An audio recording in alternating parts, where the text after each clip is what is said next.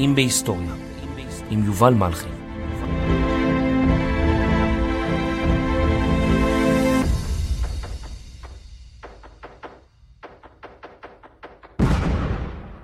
ברוכים הבאים לפודקאסט קטעים בהיסטוריה. פרק 297, מדוע בנקים מזכירים סוחרי סמים? שיחה עם היועץ הכלכלי רימון חייט. רימון חייט, יועץ כלכלי, הגיע אליי להסביר לי איך כל הזמן מנסים לעבוד עלינו. הוא סיפר לי מדוע המחיר למשתכן לא מיועד לזוגות צעירים. מה יקרה למחירי הדירות בשנים הקרובות? מדוע בנק דומה למגרש מכוניות משומשות או לסוחר סמים? למה יועץ משכנתה הוא הכל חוץ מיועץ? למה רוצים לתת לנו פגישות חינם לביטוח חיים? למה בנק ישראל דרש מישראכרט להוריד את הפרסומת להלוואה לסגירת המינוס? מה הקאץ' מאחורי הלוואה ב-0% ריבית?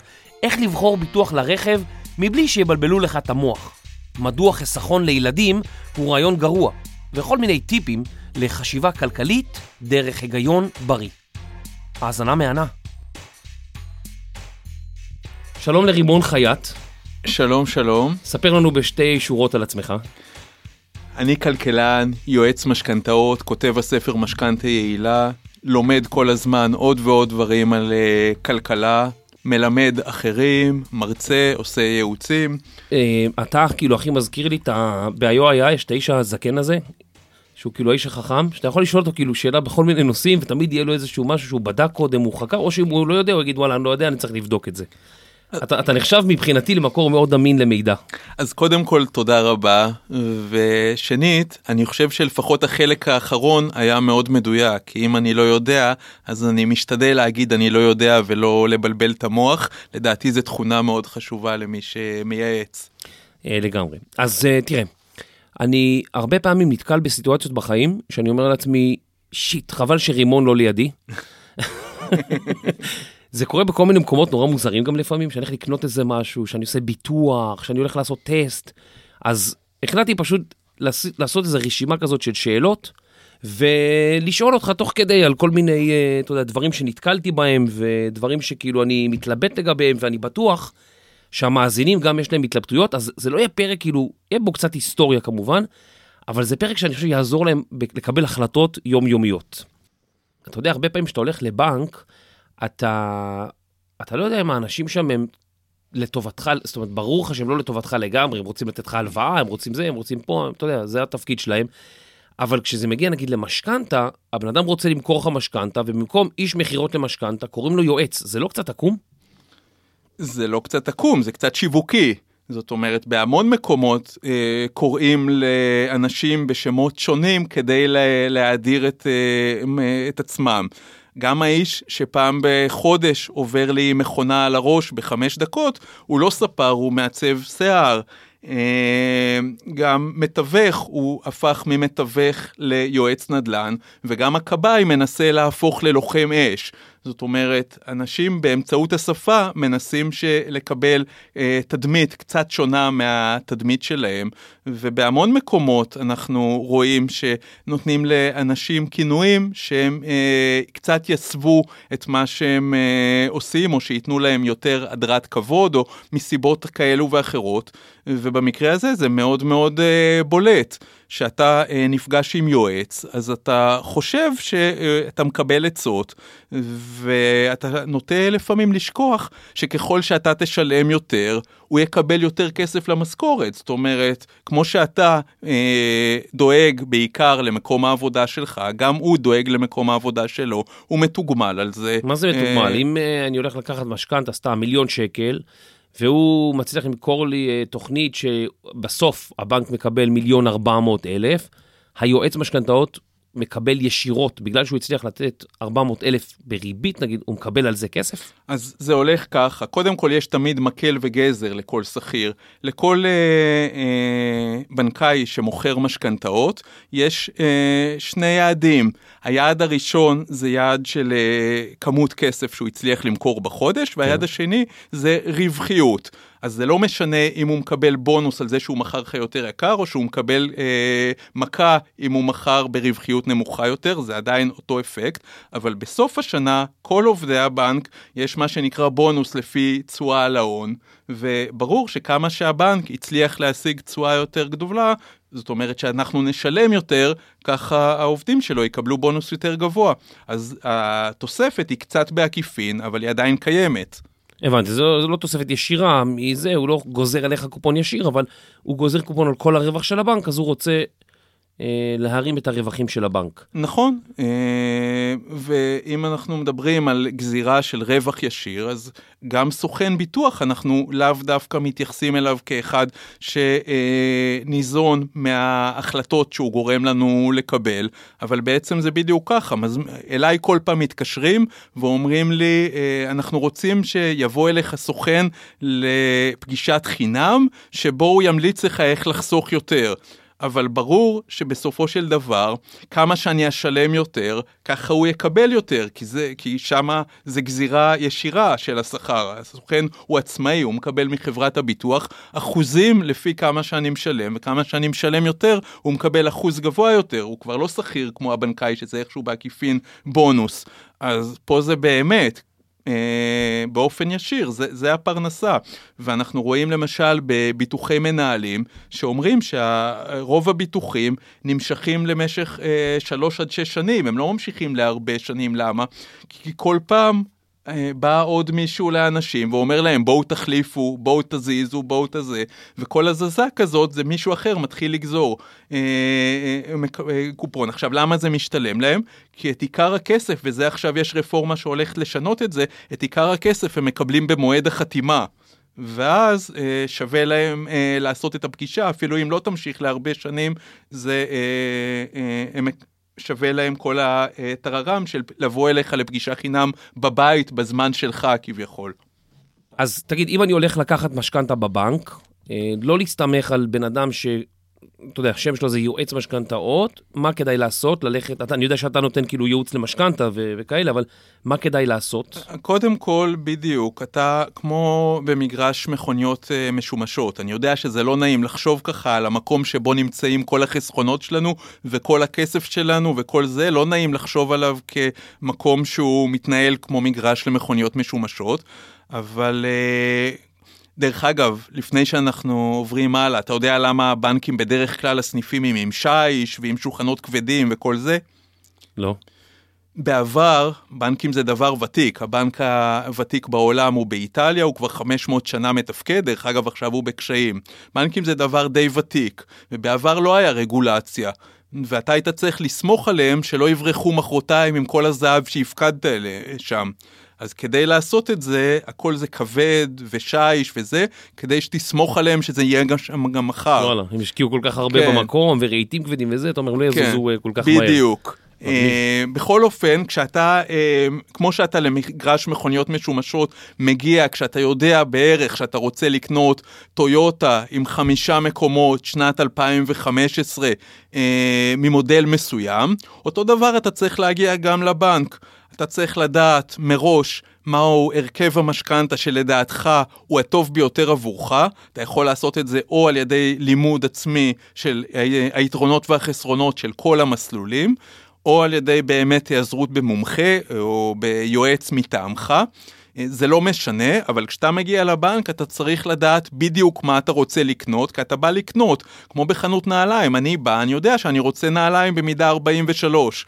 אה, ואז מהבנק אני לא מקבל ייעוץ על איזה מוצרים אני רוצה לקנות, מה שאני מקבל זה הצעת מחיר על המוצרים האלו. Okay. אוקיי. כלומר, אה, אני יודע שארבעת המסלולים המסוימים האלו הם המסלולים שאני רוכש, תגידו לי באיזה מחיר אתם מוכרים, אל תשנו לי כלום, ועכשיו אני הולך לבנק השני ומשווה את אותם ארבעה מסלולים. אז תגיד, שאלה דוגרי כזאת, אוקיי? כמה כסף, זאת אומרת, כמה עולה פגישת ייעוץ, נגיד אצלך, כן? כמה mm-hmm. עולה פגישת ייעוץ, וכמה כסף אתה יכול לחסוך לבן אדם. אוקיי, אז קודם כל, אה, אין פה סודות, זאת אומרת, כל המחירים באתר שלי וזה, אני שונא את השיטה של פגישת חינם, ואז נתחיל אה, זה, אז הכל אה, ברור. אה, הפגישת ייעוץ שהיא בניית התוכנית שממנה יוצא הלקוח אחרי ש... כעבור כמה ימים אחרי הפגישה הכנתי לו תוכנית כתובה של באמת מהם המסלולים הטובים ביותר עבורו. אה, פגישה יחד עם אה, אה, מסמך כזה עולה 2,200 שקלים. זה השלב הראשון, ואיתו הוא יכול ללכת לבנק, כמו שאמרתי. יש אנשים שאחרי השלב הזה אומרים, עזוב אותי באימא שלך, אני הבנתי, אני לא רוצה ללכת לבנק תעשה בכלל, לי אתה הכל, תעשה לי ת- אתה את הכל, לי תחסוך לי את הזמן, את הכי טובה." העצבים, תנהל אתה משא- את כן. המשא ומתן, אתה יודע את השפה שלהם. אוקיי. אתה- כמה זה אה, עולה? זה עולה 4,200, ביחד 6,400. והחיסכון שאני אה, חוסך, אם מדובר פה על, יודע, מאות אלפי שקלים, או מיליוני יכול, שקלים, זה... החיסכון של בניית תוכנית נכונה יכול אה, בקלות לעבור את הפי 10 מהעלות, זאת אומרת, אם אני אומר חיסכון של 60 אלף, זה חיסכון שהוא קטן מאוד, אה, זה יכול להיות גם הרבה יותר, וכמובן שאי אפשר לנקוב במספר בלי שיודעים בכלל מה גובה כן, המשכנתה. כן, הבנתי. אוקיי, אז אה, עלות מול תועלת, בסדר. אה, לפני אה, שנה, אה, או שנתיים, כבר לא זוכר, קניתי אה, אוטו, קניתי רכב יד שנייה, ורציתי לעשות לו ביטוח, אה, בגלל שזה רכב אה, שצריך להכיל גם ארבעה ילדים, השם ירחם, אז... אה, אז הביטוח היה לא כמו רכב רגיל, אלא יותר יקר. והשתמשתי באותה חברת ביטוח, הייתי בביטוח ישיר הרבה שנים, ואז הם נתנו לי איזו הצעה נורא גבוהה, ואמרתי, רגע, אני לא סתם אומר כן לכל דבר, בוא נבדוק, אתה יודע, אני אוהב, בדרך כלל, מאוד אוהב לבדוק את הדברים, בדרך כלל משקיע יותר זמן, כאילו, ממה שאני באמת אמור להשקיע. אז uh, בדקתי בכל מיני חברות אחרות, וקיבלתי הצעה יותר טובה uh, בפניקס. סתם, לא, בלי פרסומות, משהו כזה, סתם אני מספר לך את הסיפור האישי שלי, יכול להיות, אתה יודע, מישהו אחר קרא לו הפוך. ואז הם התחילו לבלבל לי במוח, הנציגים של החברות, ואמרו לי, אתה לא מבין לאן אתה נכנס, אין להם כיסויים, תראה את ההוצאות עורכי דין שלהם, זה רק 3 מיליון, אצלנו זה 6 מיליון. אז אמרתי, מה זה 3 מיליון עורכי דין? מתי אני אשתמש בזה? ואז אמרתי, לא, אבל תראה את הכיסוי פנסים שלנו, זה 200 מיליון. כאילו, פתאום, ואז אמרתי, רגע, אז בוא נעשה רשימה מסודרת. תסבירי לי רגע מה את מציעה. ואז ממש ישבתי עם עט ודף, כמו פעם, אתה יודע. רשמתי את כל הסעיפים, כל הסעיפים וכמה הם נותנים, אחרי זה עברתי לחברה השנייה, כל הסעיפים, כל הסעיפים, כל הסעיפים, ובסוף, אתה יודע, מצאתי ביטוח יותר זול באיזה 1,500 שקל לביטוח המקיף, שזה המון, המון כסף. ומצד אחד אמרתי, זה נורא שאתה כל פעם, עכשיו אתה רוצה להחליף ביטוח, בואנה, אתה צריך לעשות עבודת מחקר נוראית. אתה יודע, כי, כי הם מבלבלים לך את המוח היוצאים, אומרים לך, לא, אתה לא יודע לאן זה, הם לא נותנים לך ככה, והוא אומר לך, זה לא נותן לך, ושניהם צודקים. אתה מבין? הם מתקשרים אחד לשני לחברות, יש להם את האנשים שלהם, הם יודעים מה כל אחד נותן, ואז הם יכולים לבלבל לך את המוח. מה השאלה שלי, בקיצור, כי אני עכשיו מרגיש שאני מבלבל את המוח, איך אני בוחר ביטוח נכון לרכב שלי, אבל בצורה יעילה, בלי לעשות את ההשוואה המטורפת הזאת של כל ההיבטים, כמה נותנים כיסוי לפנס ימין ולמראה שמאל ולזכוכית ולרכב חלופי וכל השטויות האלה. אז בעצם... אה, וואי, זו הייתה שאלה ארוכה. כן, שאלה ארוכה, התשובה אני מקווה תהיה יותר קצרה. אה, אבל השאלה שלך היא נוגעת בכלל לקבלת החלטות כלכליות, אז אני אדבר שנייה קצת יותר רחב. אה, למשל, בבחירה של דירה, כבר ראיתי אנשים שעשו טבלאות השוואה בין שתי דירות שהם אה, ראו, טבלאות של איזה 20 עמוד, אה, שורות, אם uh, הגיעו עד רמה של בזאת יש פלדלת ובזאת אין פלדלת וכל מיני דברים כאלה, זה בדרך כלל מהנדסים מההייטק עובדים ככה, שהם חושבים שכמה שיש להם יותר נתונים ככה ההחלטה תהיה יותר טובה. ואז אמרתי להם, תגידו, השתגעתם? פלדלת זה 1,500 שקל, מה אתם בכלל מתעסקים עם להכניס את זה לתוך ההשוואה שלכם? Uh, ובמקום כל הדיון של להביא כמה שיותר שורות, וכמו שאתה אומר, זה פנסים, זה ב, בלי פנסים, העורך דין, הלא עורך דין, במקום זה אני מציע תמיד כשיש החלטה מורכבת לקבל, לא להביא כמה שיותר שורות, ככה מנסים בדרך כלל לבלבל אותנו, אלא לחשוב מהם החמש שורות החשובות ולהתמקד רק בהם. זאת אומרת, גם כשאתה בוחר דירה, תיקח, תסתכל על כל הרשימת פרמטרים שעשית, ותגיד, חשוב לי הבית ספר, חשוב, חשוב לי מספר החדרים, חשוב, המחיר חשוב, עוד איזה שני דברים, וזהו. מה, איזה שני דברים? נגיד... אה, לא יודע, כל אחד אה, אה, והדברים שלו. אם כן. נגיד אין לך ילדים, ברור שבית ספר לא חשוב לך. כן. אה, בסדר? אז כל אחד והדברים שלו. אם אם אתה גינה, מבוגר, אז יש- חשוב לך כן. שהחברה תהיה חברה מבוגרת. כל הדברים האלו, אבל כל אחד לפי הקריטריונים שלו, שיחשוב מה הם חשובים. מרחק מהעבודה נגיד הוא כן. מאוד מאוד משמעותי, מרחק מההורים לעזרה, כל מיני דברים. אה, מרחק מההורים כי לא רוצים שהם יהיו קרובים, אתה יודע, כל אחד והעניינים שלו. כן. אה, בכל אופן, אותו דבר בביטוח. זה נורא נורא קל לבלבל אותנו באמת אם להגיד לנו לזה יש ביטוח מראות ולזה אין ביטוח מראות, אבל כמה עולה מראה? אז מה זה מעניין אותי בכלל הביטוח מראות שלכם? אה, זה מעל שלושה מיליון העורך דין או זה לא? כמה עולה תביעה אה, ממוצעת? מה אכפת לי השלושה מיליון אבל פה או מיליון? הבעיה. אבל העניין הוא שאנחנו לא יודעים. אה, אבל זה בעצם, אפשר להפעיל הרבה פעמים שכל ישר, כי החברות האלה, מה הן עושות? זה הכל, זה הרבה מזה זה עניין של פסיכולוגיה, הן לוקחות איזשהו מאפיין, כמו עורך דין, שמעל סכום מסוים זה בכלל לא משנה, ו, ואז הן זורקות סכום ענק, זה די דומה לפרסומות של אה, אה, שעונים שאני רואה לפעמים, שאומרים לי השעון הזה הוא עד 250 מטר עומק. שיא העולם בצלילה הוא פחות מ-250 מטר. מה מעניין אותי שהוא מגיע לכזה דבר? אבל אנחנו כבני אדם, אם נראה שעון אחד שהוא עד 70 מטר, אה, אני דרך אגב הרישיון שלי הוא עד 30 מטר, זה גם כבר, אה, אני לא יודע אם אני אצלול עוד פעם, אבל אה, עד 70 מטר בטח אני לא אצלול, חושך שם.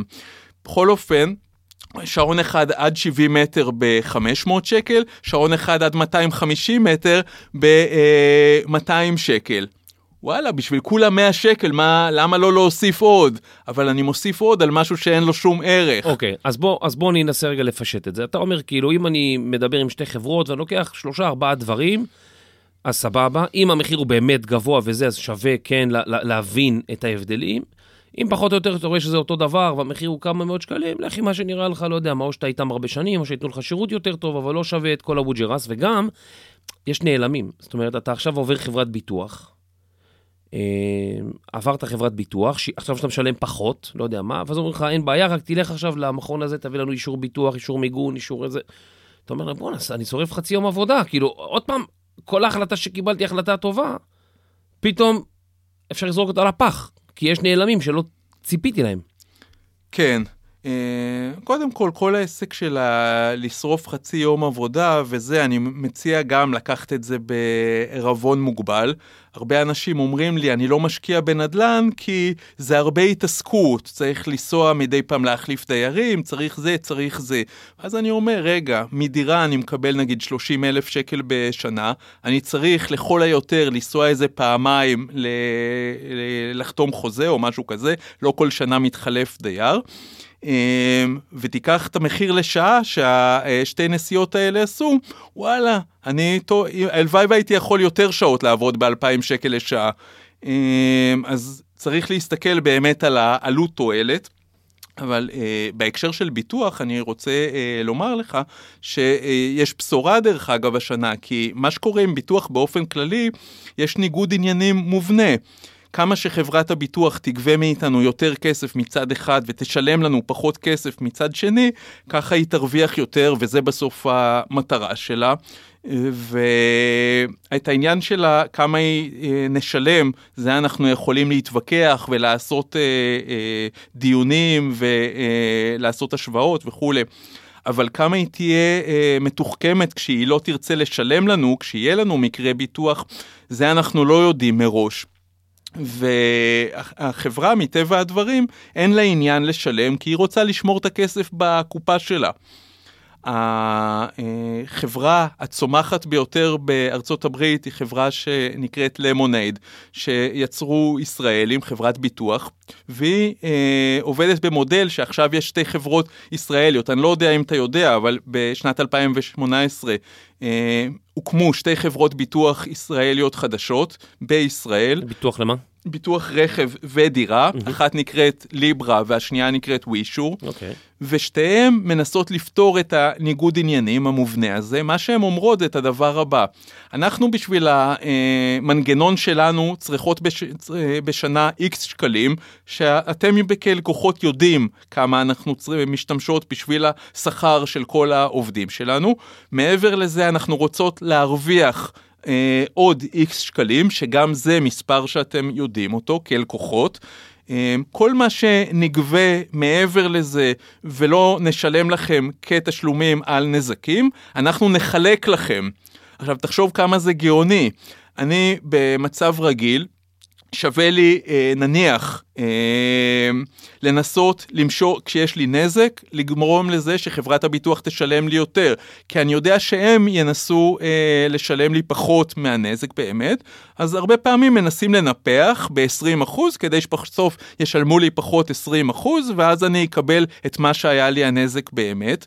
אבל אם אני יודע וחברת הביטוח יודעת שלא משנה כמה הם ירוויחו בשנה, הם בסוף את ההפרש יחלקו לי, אז א', זה לא, אה, אין לי עניין בלנסות למשוך יותר כסף עבור הנזק שלי, כי אני יודע שאת היתרה הם יחלקו לי, וגם להם אין עניין לנסות למנוע תשלומים, כי הם יודעות שאם יישאר יותר כסף בקופה, זה לא יגיע אה, כבונוסים לבעלי המניות או למנהלים, אלא זה יחולק חזרה ללקוחות, ולכן באמת שני הצדדים הם במצב שמבחינה אתית, כביכול אין ביניהם ניגוד אינטרסים אה, מובהק. ו... רגע, זה החברה בארצות הברית או החברות הישראליות? שתיהם, כל השלוש חברות שדיברתי עליהן עובדות על אותו מודל. זה הוקם קודם כל בארצות הברית, כן. וגם ליברה אה, היווה את אותו מודל לישראל. אז שילמתי להם לדעתי 2,000, גם אה, ווישו. שילמתי להם 2,000 שקל על הביטוח רכב.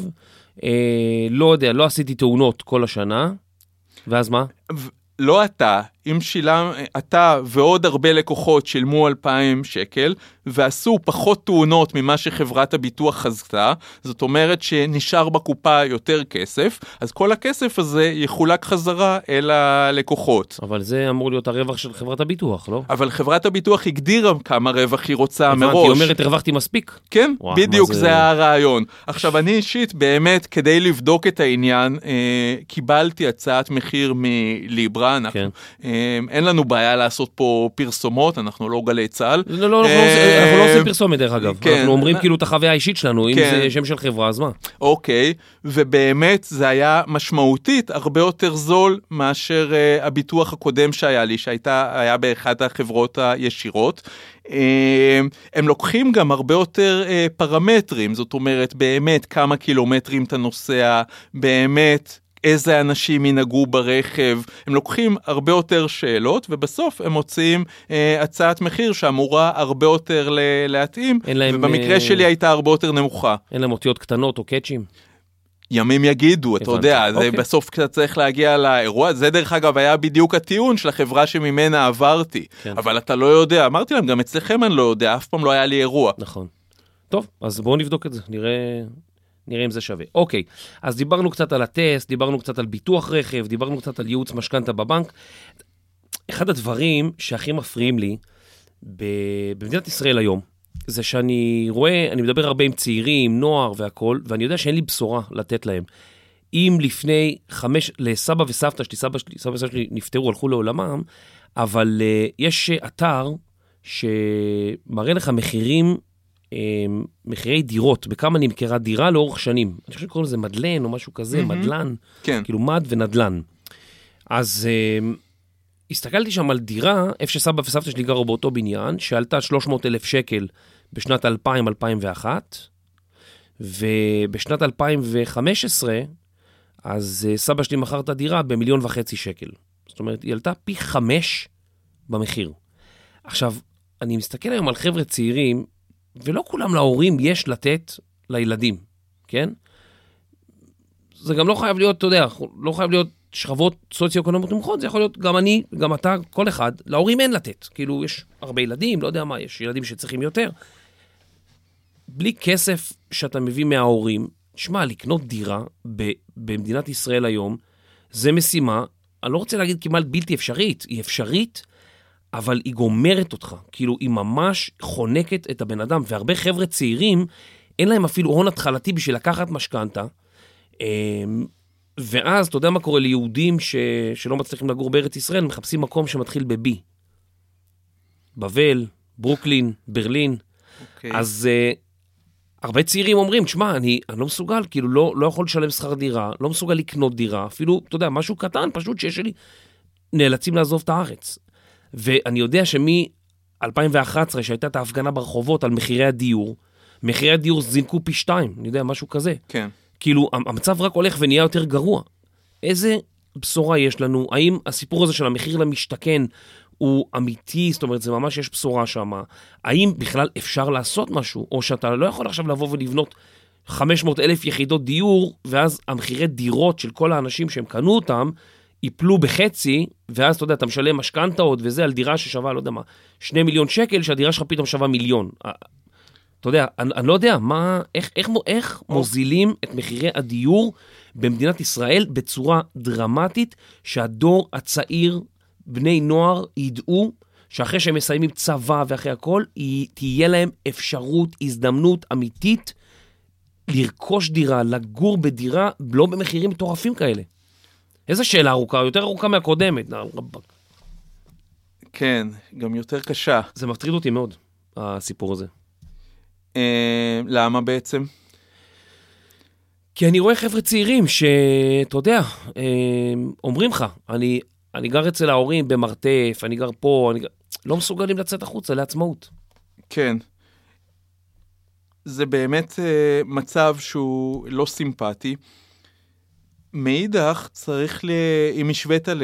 לסבא שלך, אז קודם כל, מבחינת שאר אה, הדברים שמאפיינים רמת חיים, אה, נניח אחוז ההחזקה ב... של מכונית, אז אה, אנחנו ב, בקצה השני, זאת אומרת, אנחנו ברמת חיים הרבה הרבה יותר אה, גבוהה. לדוגמה, כשפרס אמר שיהיה יום אחד, אה, אמר את זה בשנות ה-70, יום אחד יהיה מכונית לכל פועל, אז חשבו שהוא פסיכי. היום אנחנו מדברים ביותר ממכונית אחד בממוצע למשפחה.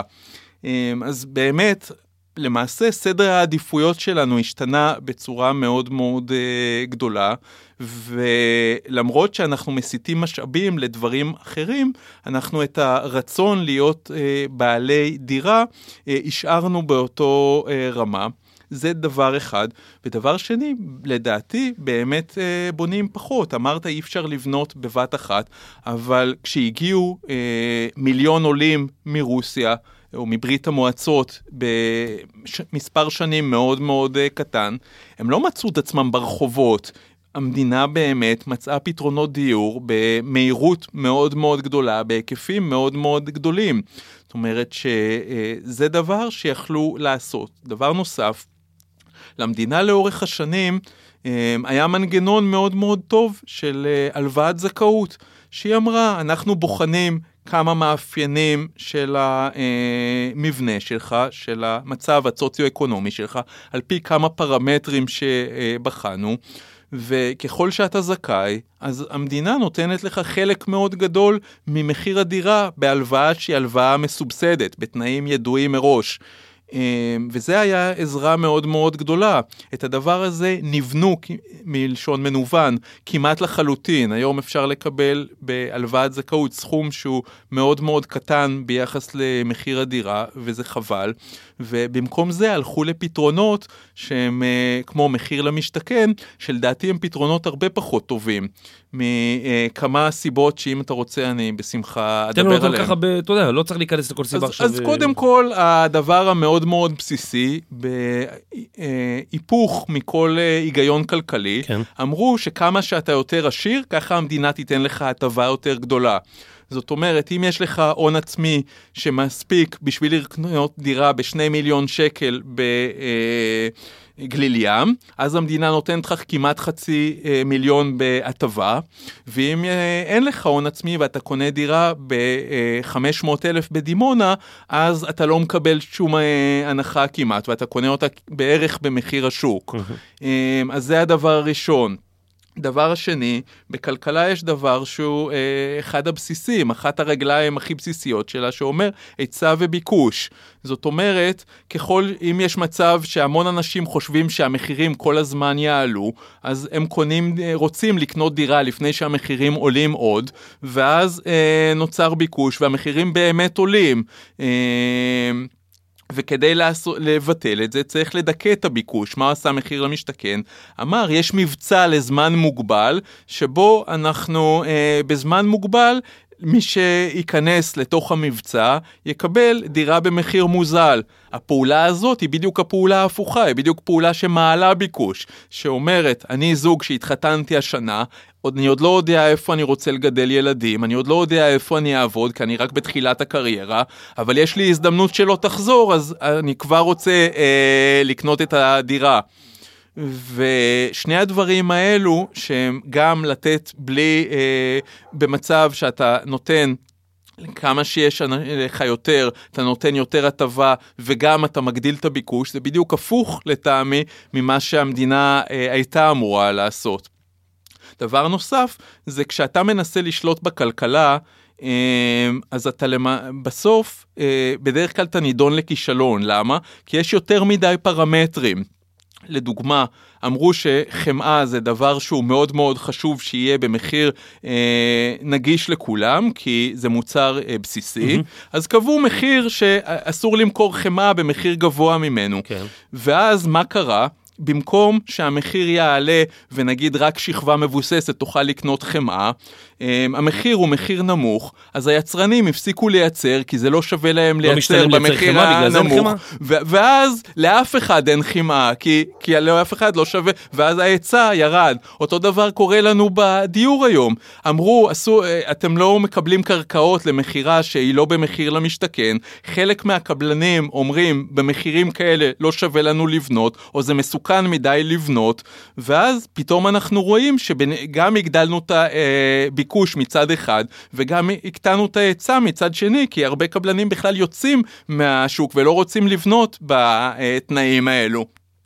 אה, ואנחנו רואים שבאמת לזמן קצר יכול להיות שהמכירות אה, אה, הם במחיר יותר נמוך בתקופה האחרונה, אבל בפועל זה ברגע שנעצרו התחלות הבנייה, כנראה שאנחנו נראה בעתיד עלייה במחירים שהיא תהיה אפילו יותר גדולה. וואלה, אז אתה אומר שמחיר הדיור עוד הולכים לעלות. אני אומר שיש סיכוי גדול שזה יקרה. ואז מה עושים צעירים? למה אתה חושב שחייבים לגור בדירה שהיא בבעלותך? זו השאלה הגדולה. לא, אבל הגדולה. גם אה, אם הדירה עולה הרבה כסף, גם השכר דירה יקר. אנחנו רואים שהשכר דירה הוא אה, באמת עלה בזמן האחרון, אבל הוא לא עלה ביחס ישר למחירי הדירות. להפך, אנחנו רואים שהתשואה לאט לאט ירדה למשקיעים ונהיה פחות ופחות כדאי להשקיע, והדבר הטבעי היה באמת שמשקיעים יתחילו אה, למכור דירות, אה, או דירות חדשות שאין אה, אנשים שיקנו, היו קונים אותם משקיעים והם משכירים אותם, שוב, אבל אה, קבלנים יצאו כי אין מי שיקנה, כי זה לא בדרך התוכנית. אתה אומר קבלנים יצאו כל הזמן, כאילו יש ממש עצירה של בנייה בארץ? יש פחות התחלות בנייה בשנה האחרונה, כן.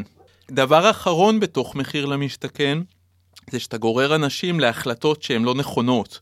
החלטות כלכליות לא טובות. אם זוג התחתן אה, השנה ועוד אין לו ילדים והוא רוצה לקנות דירה, הדבר הנכון מבחינתו לעשות זה לקנות דירה של שלושה חדרים, לחכות שיהיו לו נניח ילד או שניים, ואז לשדרג, במקום ללחוץ את עצמו מההתחלה כשהוא עוד בתחילת הקריירה, הכנסה נמוכה וכולי, לדירת חמישה חדרים, כי בעתיד יהיו ילדים או כי אה, כל מיני דברים.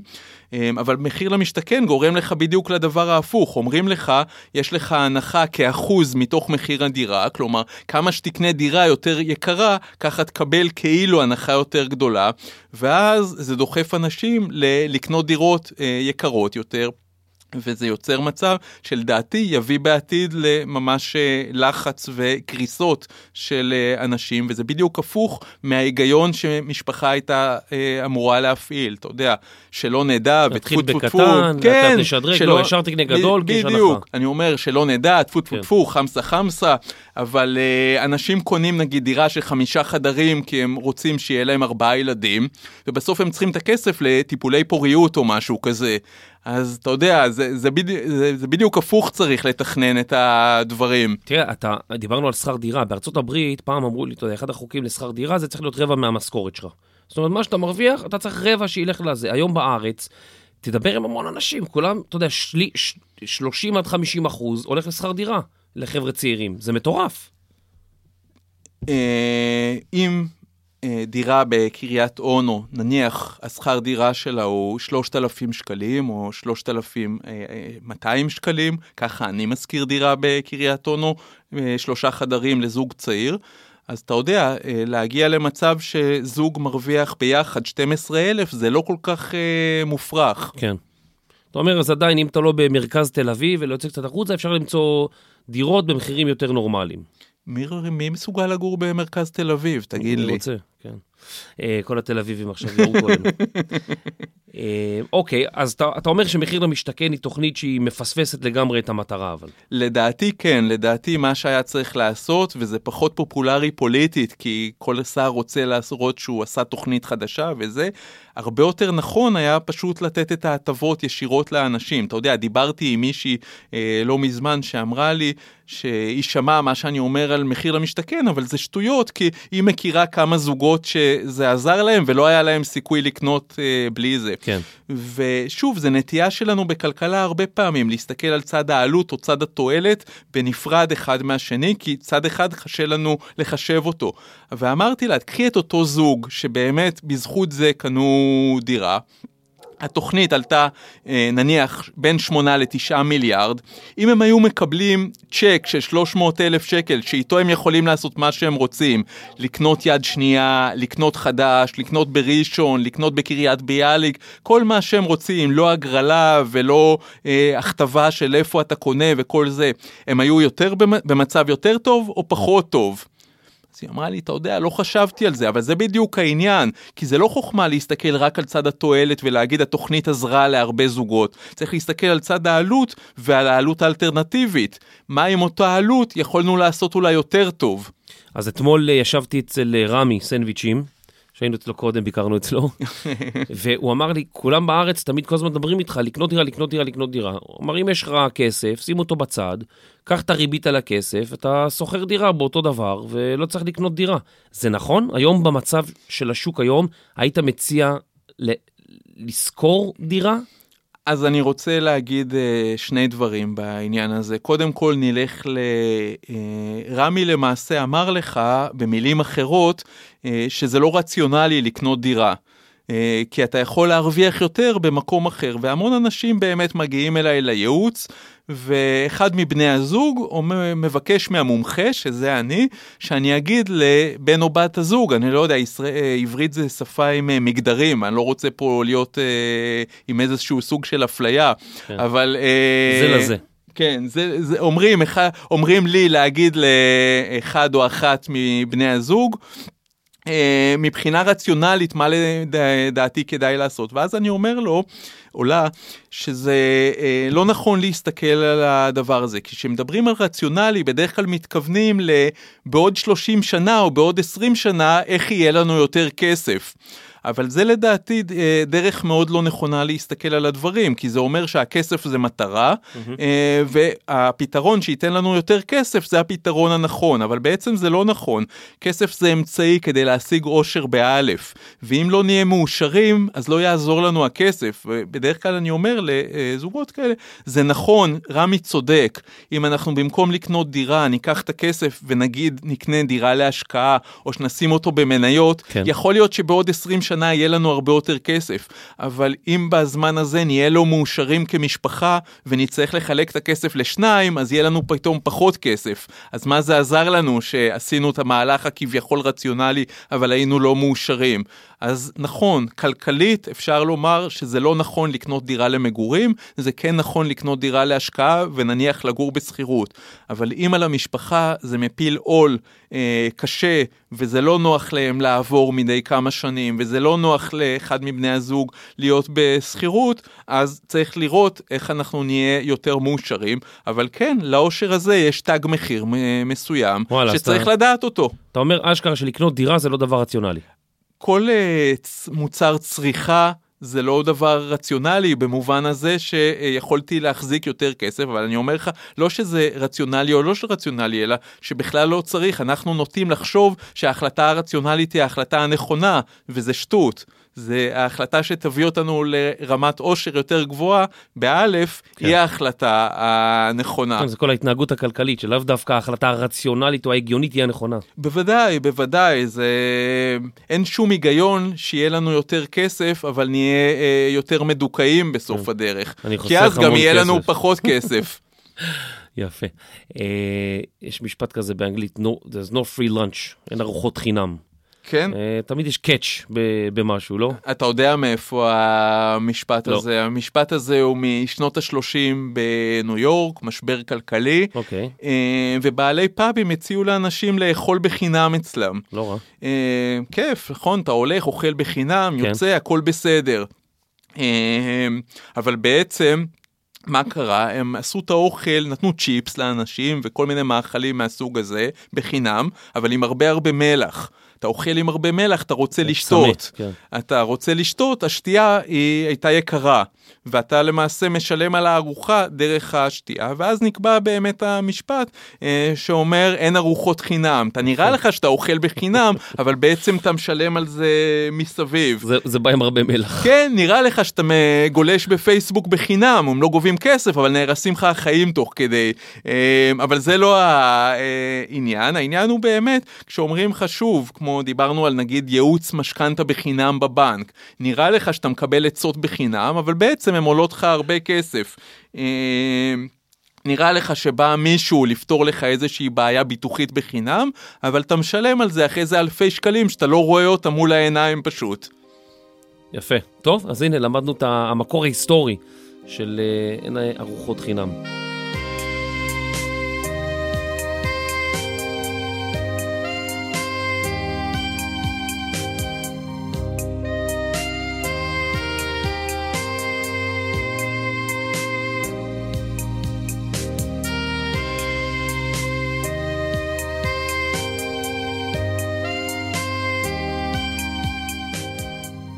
לאחרונה ראיתי אה, שתי פרסומות שהיה היה עניין לגביהם, שמעתי אנשים מדברים עליהם.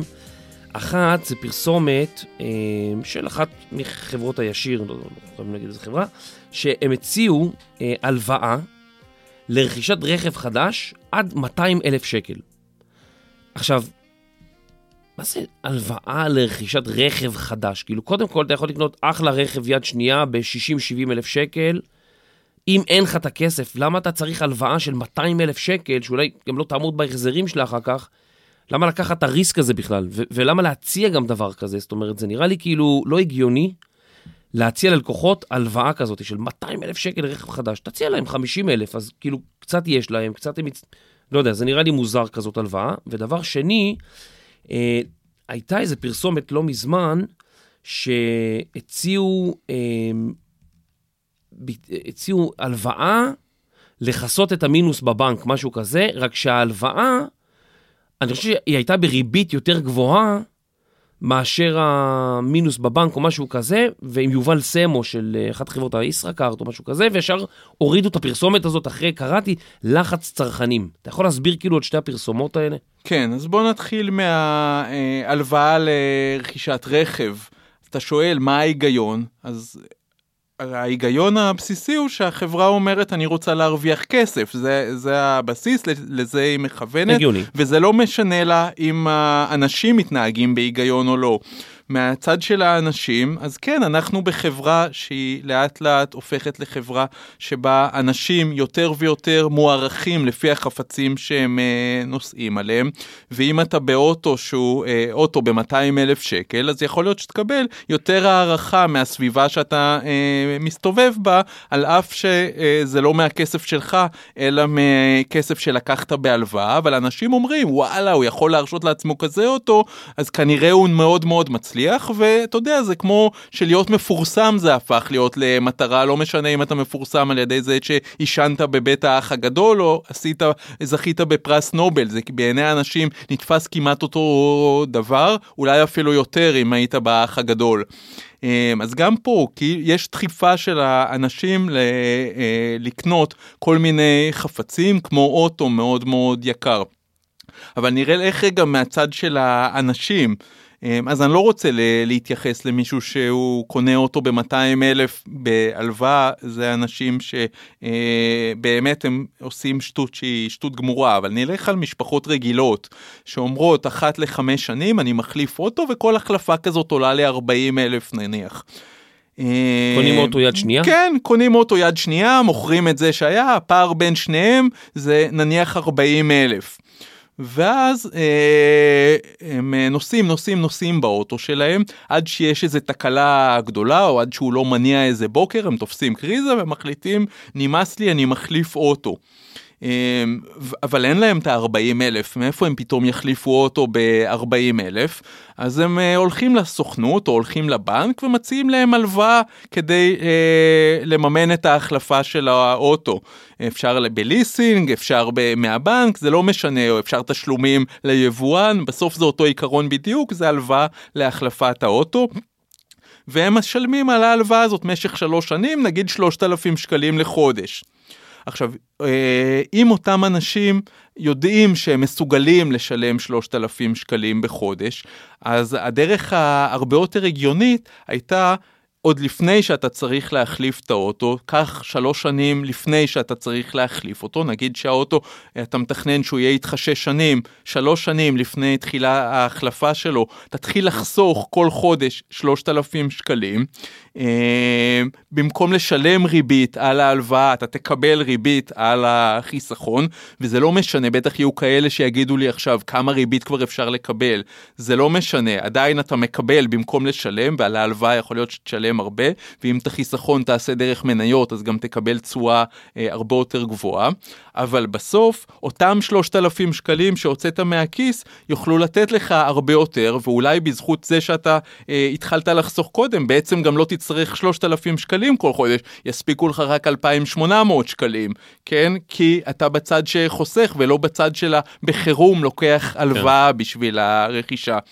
כן, אבל מי עכשיו יכול לחסוך 3,000? כי עוד שלוש שנים זה כאילו, רגע, אני מבין את ה... מי יכול לחסוך? אותו אחד שלא יכול לשלם על הלוואה, יכול גם לחסוך. אם יש לך כסף לשלם על הלוואה, יש לך גם...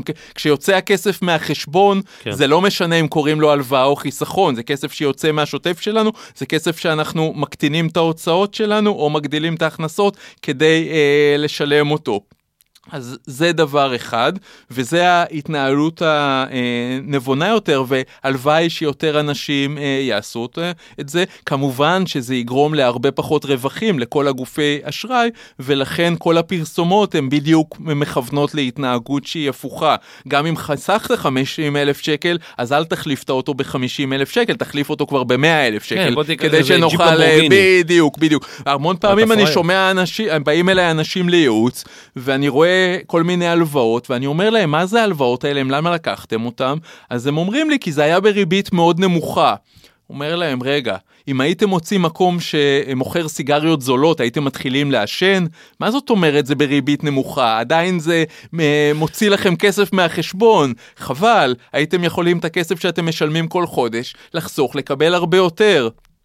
כן, אבל אתה יודע, גם הכמות כסף שאנחנו חוסכים מוגבלת, אתה לא יכול לחסוך עכשיו יותר מדי. רובנו, אתה יודע, מוציאים מה שאנחנו מרוויחים פחות או יותר. רגע, אם אתה לא יכול לחסוך, איך אתה משלם את ההלוואות? אתה מבין את העניין? כסף שיוצא כן. זה כסף שיוצא, אם אתה יכול לשלם הלוואה, אתה יכול לשלם לחיסכון. כן. זה עניין פסיכולוגי. אה, כשיש לנו כסף, אז רגע, אז, אבל, אבל לא צריך להתייחס רק לאוטו באופן הזה. טיול בחו"ל, משפחה יודעת שכל שנתיים היא אה, רוצה לצאת באוגוסט לטיול, הטיול הזה עולה 20 אלף שקל, אם נשים בצד את הסכום שמתאים, אז בסוף נוכל לצאת לטיול גם בראש שקט, בלי כל הטררם של אוי, איך נממ... כבר שמרנו את הכסף מראש, וגם... אה, נוכל להוציא כל חודש הרבה פחות, כי שוב, אנחנו מקבלים ריבית במקום לשלם ריבית. כשאנחנו משלמים על הלוואה, חלק מהתשלום הוא לקרן באמת להחזרת ההלוואה, אבל חלק גדול מהתשלום הוא הולך לתשלום ריבית בכלל. גם אם ההלוואה היא באחוז ריבית נמוך, עדיין יש פה תשלום, שאם אנחנו לא אה, בדקנו באמת ביחד עם כלכלן, אנחנו הרבה פעמים לא יודעים כמה היה סך הכל התשלום. אבל הוא בהחלט קיים. בהקשר הזה, שוב, אמרתי, תאגידים מכוונים אותנו בדיוק לקחת לכיוון ההפוך, והיה קמפיין אה, לפני שנה, נניח, של בנק הפועלים, של צאו לסקי באוסטריה, ותקבלו בשביל זה הלוואה ב-0 ריבית.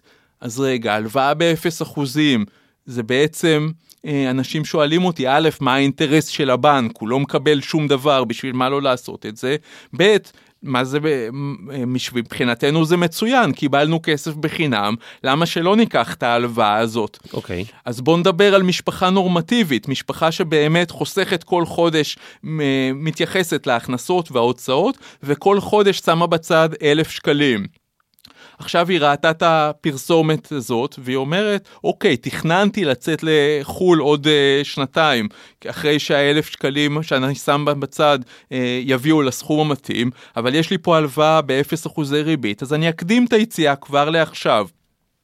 והמשפחה יוצאת, עושה סקי, עושה אני לא יודע מה באוסטריה, חוזרת, ואז מסתברת לה עובדה מדהימה, גם הלוואה ב-0 אחוזי ריבית צריך להחזיר, וההחזר של ההלוואה הזאת הוא 2,000 שקלים בחודש. עכשיו, אותה משפחה שנהגה לחסוך אלף בחודש, כי ההכנסות גדולות מההוצאות באלף שקלים, פתאום היא הוסיפה להוצאות שלה עוד אלפיים שקלים. פתאום היא בגירעון חודשי, היא נכנסת בחודש הראשון למינוס של אלף שקל, בחודש השני למינוס של אלפיים שקלים. על המינוס, על ההלוואה היא משלמת אה, אפס אחוזי ריבית, אבל על המינוס היא משלמת שמונה אחוזי ריבית. אה, ואז רגע. לאט לאט היא צוברת יותר ויותר מינוס, ואז מציעים לה הלוואה לכיסוי המינוס, שהיא כבר לא הלוואה באפס כן. אחוזים, היא כבר הלוואה בריבית יותר גבוהה, עדיין ריבית נמוכה. רגע, רגע, אתה, אתה אומר שהגופים מציעים לך ריבית באפס אחוז, בשביל שהם יוכלו להרוויח אחר כך מזה שאתה תהיה במינוס? בוודאי, מה המטרה של, ה, של הבנק? לייצר רווחים. אה, זה לא נעים להגיד, ואני הולך להגיד משהו בוטה, אני מקווה שכל חבריי הבנקאים אה, לא יקשיבו לפרק הזה. אבל uh, תחשוב על הסוחר סמים שהולך לחלק בתיכון מנות סם בחינם. זהו, התביעה בדרך. בדיוק, הולך בתיכון לחלק מנות סם בחינם. מה בדיוק, אני מדבר תביעה עליי. מה אתה, מה אכפת לי? נתת לי וויסקי. יאללה, סוחר סמים. הולך לחלק מנות בחינם. זה בדיוק התהליך שהוא מצפה לו, שאנשים יקבלו מנות בחינם, ואחרי כמה פעמים יהיו חייבים את זה ויהיו מכורים. אותו אדם שקיבל הלוואה בחינם, ייכנס למינוס, ייקח הלוואה לכיסוי המינוס, ההוצאה החודשית שלו תעלה יותר, והנה הוא מכור. אין, אין ארוחות חינם, אה? אין ארוחות חינם אף פעם. יאללה, אז גם אם מישהו אומר לך, בוא, קח הלוואה ב-0%, תמיד תדע יש קאץ', תמיד יש קאץ'. כמו בסדרות האמריקאיות, תמיד זה הרוס, לא יודע. כשאומרים קאץ' זה משהו שהוא כאילו לא, אה, לא צפוי, לא ידוע, לא אותיות ידוע. קטנות, אבל זה לא אותיות קטנות, זה על פני השטח. לא, כ... כן. אתה לא מודע לזה, כי לא לימדו אותנו לחשוב ככה, אבל בעצם זה בדיוק העניין. הגדלנו את ההוצאות ב-2,000 שקלים, לא משנה כמה הריבית באחוזים, ההוצאות גדלו ב-2,000 שקלים, מה נעשה בחודש הבא? אנחנו פשוט לא מאומנים לחשוב על מה יהיה בחודש הבא. אה, אומרים המון פעמים, המון אנשים שבאים אליי, אני מדבר איתם על הדברים, והם אומרים, כמה, למה לא חינכו אותנו, נתנו לנו שיעור בחינוך פיננסי, נכון. או בחינוך כלכלי, שהיינו בבית ספר, ו- וכל מיני דברים כאלו. ויש כל מיני סדנאות ודברים כאלו, אבל בדרך כלל הן מתמקדות בתכינו רשימת קניות, תעשו אה, טיימר לבוילר, תמלאו פחות מים בדון בקומקום חשמלי כדי לא לבזבז הרבה חשמל. נכון. והדברים, או תגיעו שבעים לסופר כדי לא להתפתות לבורקס, יהיה לכם גם כולסטרול וגם אה, פחות עשרה שקלים. וכל הדברים האלו כבודם במקומם מונח, אבל חשיבה כלכלית אה, יותר רחבה זה משהו שלדעתי אה, הוא הדבר הנדרש, ואני אגיד בכנות, אה, לא לומדים את זה, לא רק שלא בתיכון לא לומדים את זה, גם כשמסיימים באוניברסיטה תואר בכלכלה לא לומדים את זה אף פעם. אה, וזה הדבר הכואב בתוך העניין הזה. מטורף. ולמה אה, הורידו את הפרסומת של אה, ישראכרט עם אה, יובל סמו, שהם רצו לתת לאנשים הלוואה לסגור את המינוס? היה, אני לא זוכר מה בדיוק היה שם, היה איזה רעש ציבורי כזה והורידו כן, את זה, כן, למה? כן, למה? למה? כי זה סוג של תרמית, שאומרים לאנשים, אה, יש לך מינוס של 20 אלף שקל, איך נוצר המינוס הזה? היה לך הוצאות שהן גדולות מההכנסות, ולכן נכנסת למינוס, נכון? עכשיו בא גוף אה, שכאילו הציבור אמור לסמוך עליו, גוף אה, חצי בנקאי כזה, חברת אשראי, כן. ואומר לך, בוא תסגור, יש לנו פתרון לבעיה שלך, אתה במינוס, יש לנו פתרון. בוא אה, קח הלוואה ותסגור את המינוס, ומעכשיו תתחיל בדף נקי. אבל זה ממש לא דף נקי.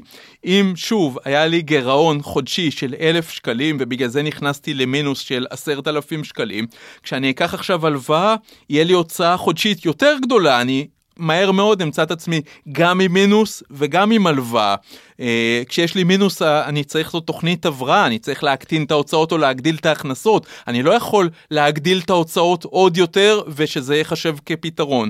עכשיו, למה, אה, רגע, כמה, למה כמה... פסלו את ה... רגע, שנייה, שנייה. כמה אחוזים זה, אם אני, אם, אם אני במינוס בבנק, בדרך כלל כמה אחוז משלמים על מינוס? תלוי ביכולת המיקוח שלך, זה יכול להיות בקלות 12 אחוז, כן. וזה יכול להיות פחות.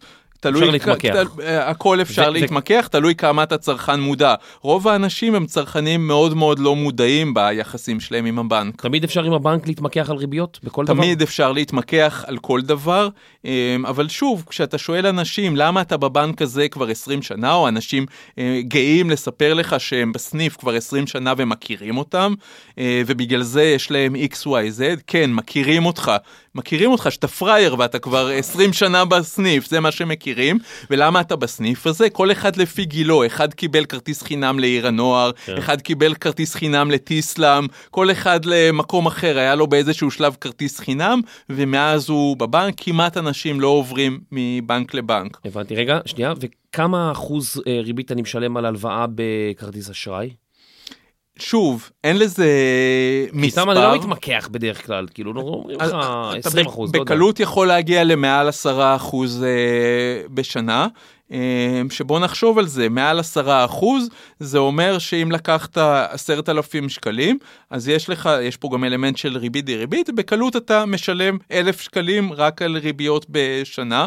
אה, תחשוב, 1,000 שקלים, כמעט 100 לחודש. אז למה הפרסומת הזאת ירדה? למה הורידו אותה? הפרסומת הזאת ירדה כצעד פופוליסטי של בנק ישראל, אם אתה שואל אותי, אחרי שהמון אנשים אמרו, מחו ואמרו, אתם גורמים לאנשים לעשות טעות כלכלית, אתם הורסים לאנשים את החיים, אז אה, הורידו אותה. אבל בעצם בנק ישראל היה צריך לעשות דבר אחר לגמרי. הוא לא היה צריך להפוך לסוג של אה, צנזור של פרסומות. זה פרסומת טובה, זה פרסומת לא טובה, אתם אגרסיביים מדי, אתם לא אגרסיביים מדי. מה שהיה צריך לעשות זה דבר אחר לגמרי. להתייחס להלוואה. אמרתי קודם כמו לסמים, אז עכשיו אני אהיה קצת פחות בוטה, כמו לסיגריות. להתייחס להלוואה כמו לסיגריות, ולהגיד, אנחנו מראש עושים הגבלה לכמות הפרסומות שעושים להלוואה, או לקהל היעד של הפרסומות האלה, או בכלל אה, לבדוק האם כדאי לעשות פרסומות, כי הלוואה היא כמו אנטיביוטיקה. היא משהו שלפעמים יכול מאוד לעזור לנו. אבל אה, אם נחשוב מילולית על המונח אנטיביוטיקה, זה אנטי חיים. אה, זה רעל בסופו של דבר. לפעמים אנחנו לוקחים רעל כי הדבר האחר שממנו אנחנו סובלים הוא יותר גרוע, ואז אנחנו אה, מעדיפים את התופעות לוואי על המחלה, וזה בדיוק, לפעמים הלוואה עוזרת לנו, או לפעמים בלי הלוואה לא היינו יכולים לקנות דירה, וזה יכול לגרום לנו להמון צער, זה שאנחנו לא נקנה דירה עכשיו. אבל uh, בהרבה מקרים הלוואה זה משהו שהוא uh, יגרום לנו להתקרב עוד ועוד ועוד אל ההתרסקות הכלכלית, אומרת, ולכן. צריך ל, ל, לדעתי מאוד מאוד להיזהר בפרסומות למתן אשראי. ואנשים באופן כללי שאתה הולך לבנק ואומרים לך, תשמע יש לנו הלוואה בתנאים נוחים, ת, תיקח את הדברים שלך ותברח כמה שיותר מהר, כי הלוואות זה משהו מאוד מאוד גרוע. בוא ניקח uh, כלל אצבע. אם יש לך כסף בפיקדון, אז בטוח שלא כדאי לך הלוואה, לא משנה באיזה תנאים אה, נותנים לך אותה, בסדר? אה, כי, כי יש לך את הכסף, אתה לא באמת צריך עוד אשראי בשביל לממן את הדברים שלך. אה, הלוואה אתה צריך בשני מקרים. א', אם אתה יכול את הכסף שלקחת בהלוואה באמצעותו להשיג אה, תשואה אה, יותר גבוהה מהעלות של הכסף הזה. זאת אומרת, אם אני משלם על ההלוואה 3%, אבל אני שם אותה במקום שבו אני אקבל 3.5%, אז שווה לי לקחת את ההלוואה הזאת. אתה יודע, כשאני אה, הייתי, אה, הכרתי את אשתי ואחרי זה עמדתי להתחתן איתה, אז uh, אימא של אשתי הייתה מאוד מוטרדת מזה שיש לי הרבה חובות. למה היו לי הרבה חובות? כי השקעתי בדירות. אמ, והיה תהליך שהסברתי לה שמצד אחד יש חובות, מצד שני יש נכסים, לא חושב שהיא קיבלה את ההסבר, אבל זה בדיוק העניין. אני גם הייתי צרכן מאוד גדול של אשראי, כן. אבל אם שילמתי 3% על המשכנתה וקיבלתי 4% מהדירה, אז זה אשראי שהוא אשראי טוב. זה המקרה הראשון. המקרה השני, שבאמת אני צריך השתלת כליה. אין לי כסף, אני יודע שאחרי זה זה יעלה לי הרבה יותר ל-20 שנה, אבל אין לי ברירה, אז אני לוקח הלוואה כדי להימנע מאותה קטסטרופה, בסדר? המקרה הקיצוני זה באמת נגיד השתלת כליה, המקרה הפחות קיצוני זה תקופה מסוימת שאני ללא עבודה, אבל בחיים השוטפים לקחת הלוואה בשביל אה, להחליף אוטו או בשביל לטוס לחו"ל, זה בהחלט שטות גמורה. הבנתי. כן, צריך להיזהר, כאילו, ממש לחשוב טוב. אה, חבר פעם אמר לי, אני, לא, אני כבר לא זוכר אם אמרתי את זה בפרק פודקאסט או לא, אתה יודע, כבר אנחנו באזור ה-300 פרקים. אה, חבר פעם אמר לי, תמיד בחיים, כשאתה רוצה לקנות משהו, תחשוב טוב אם זה משהו שאתה רוצה או משהו שאתה צריך. כי הייתי אומר לו, וואי, אני ממש צריך את זה. ואז הוא אומר לי, אתה צריך או רוצה? וזה, זה, אני חושב, משפט כלכלי נורא חשוב, שכל פעם שאתה עושה איזו רכישה של משהו, תחשוב אם אתה צריך או רוצה ותקבל החלטה. יכול להיות שזה משהו שאתה רוצה, וזה בסדר גמור.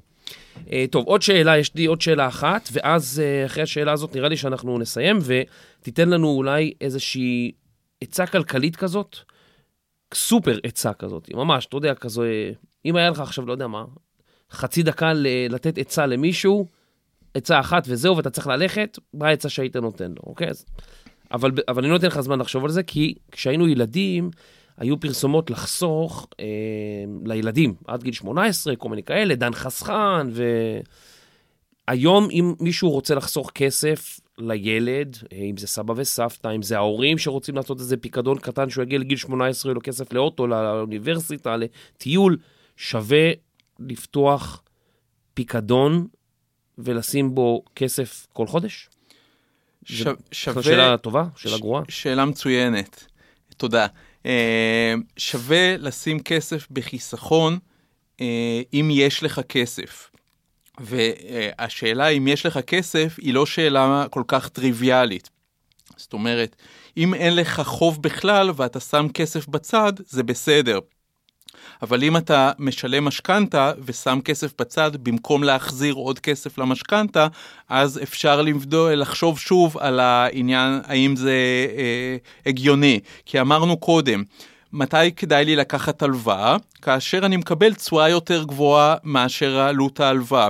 עכשיו, כאשר אני שם כל חודש נגיד 500 שקלים עבור הילד, במקום להחזיר עוד 500 שקל להלוואה, זה כאילו כל חודש לקחתי, אה, במקום להחזיר, אה, שמתי בצד, זה כאילו לקחתי הלוואה של עוד 500 שקלים, שילמתי עליה 4% ושמתי את זה בפיקדון שעליו אני מקבל נכון להיום אה, פחות מאחוז, האמת שפחות מהחצי אחוז, וזה צעד כלכלי שאין בו היגיון, הרבה יותר הגיוני זה לגמור קודם את כל המשכנתה ואז לחסוך את כל הסכום אה, לילד, אבל גם אם אתה עושה חיסכון, אני רוצה אה, לומר לך, אל תקרא לו חיסכון לילד.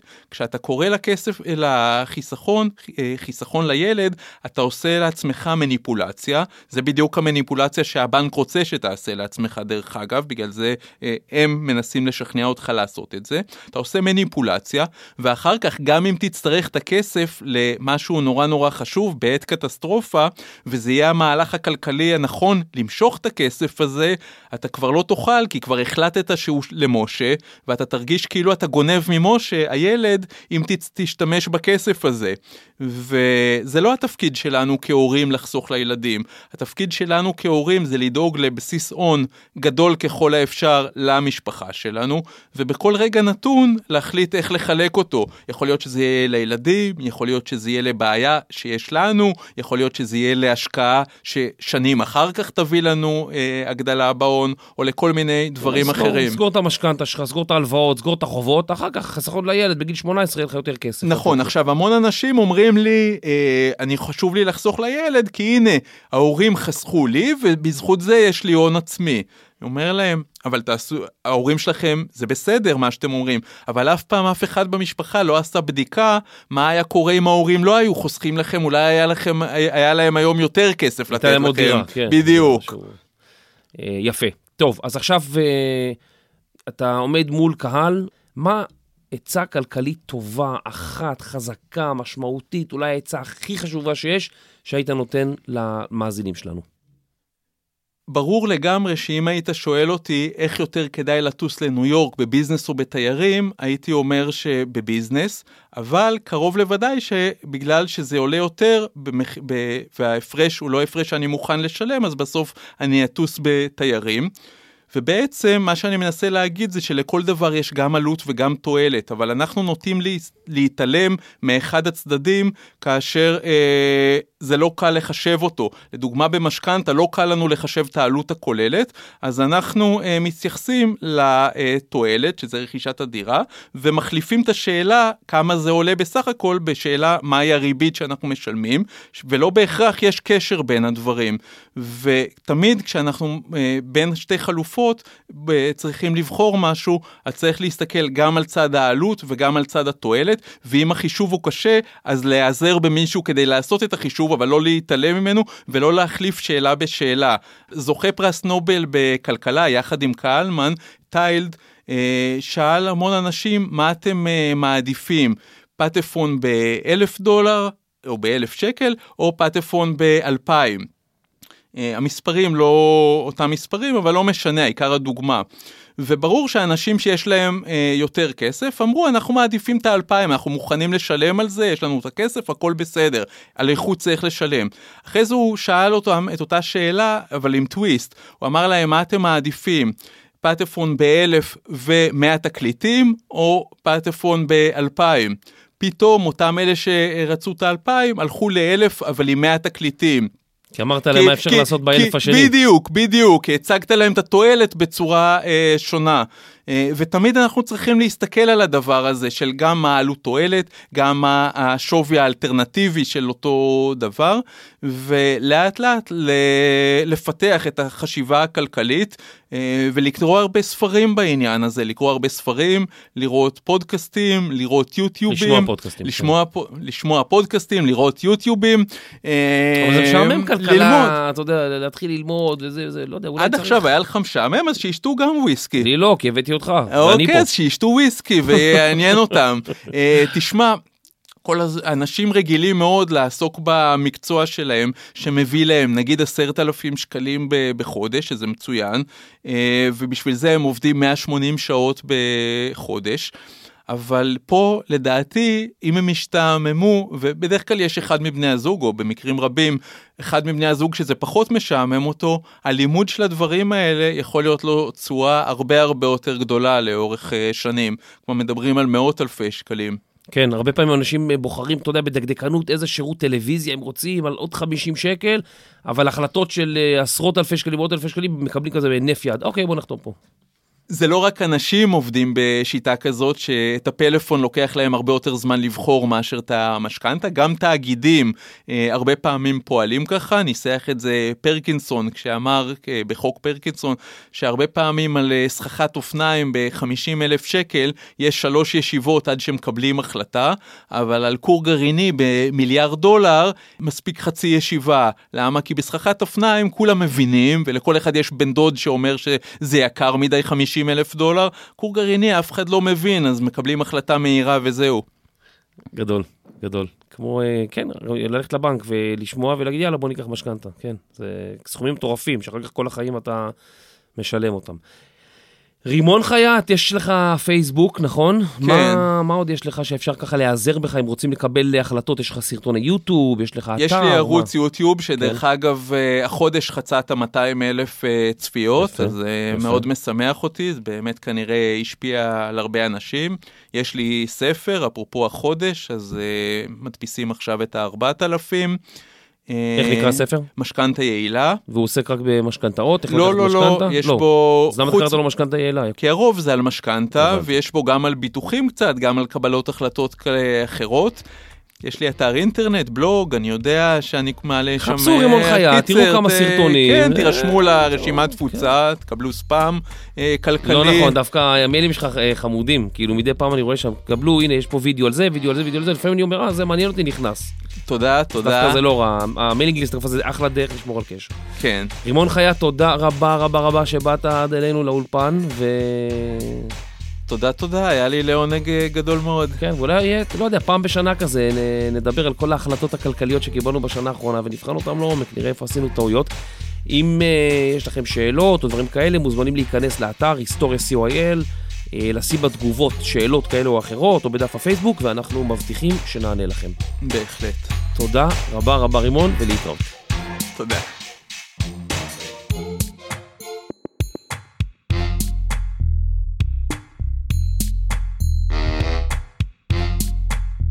עוד מעט פרק 300.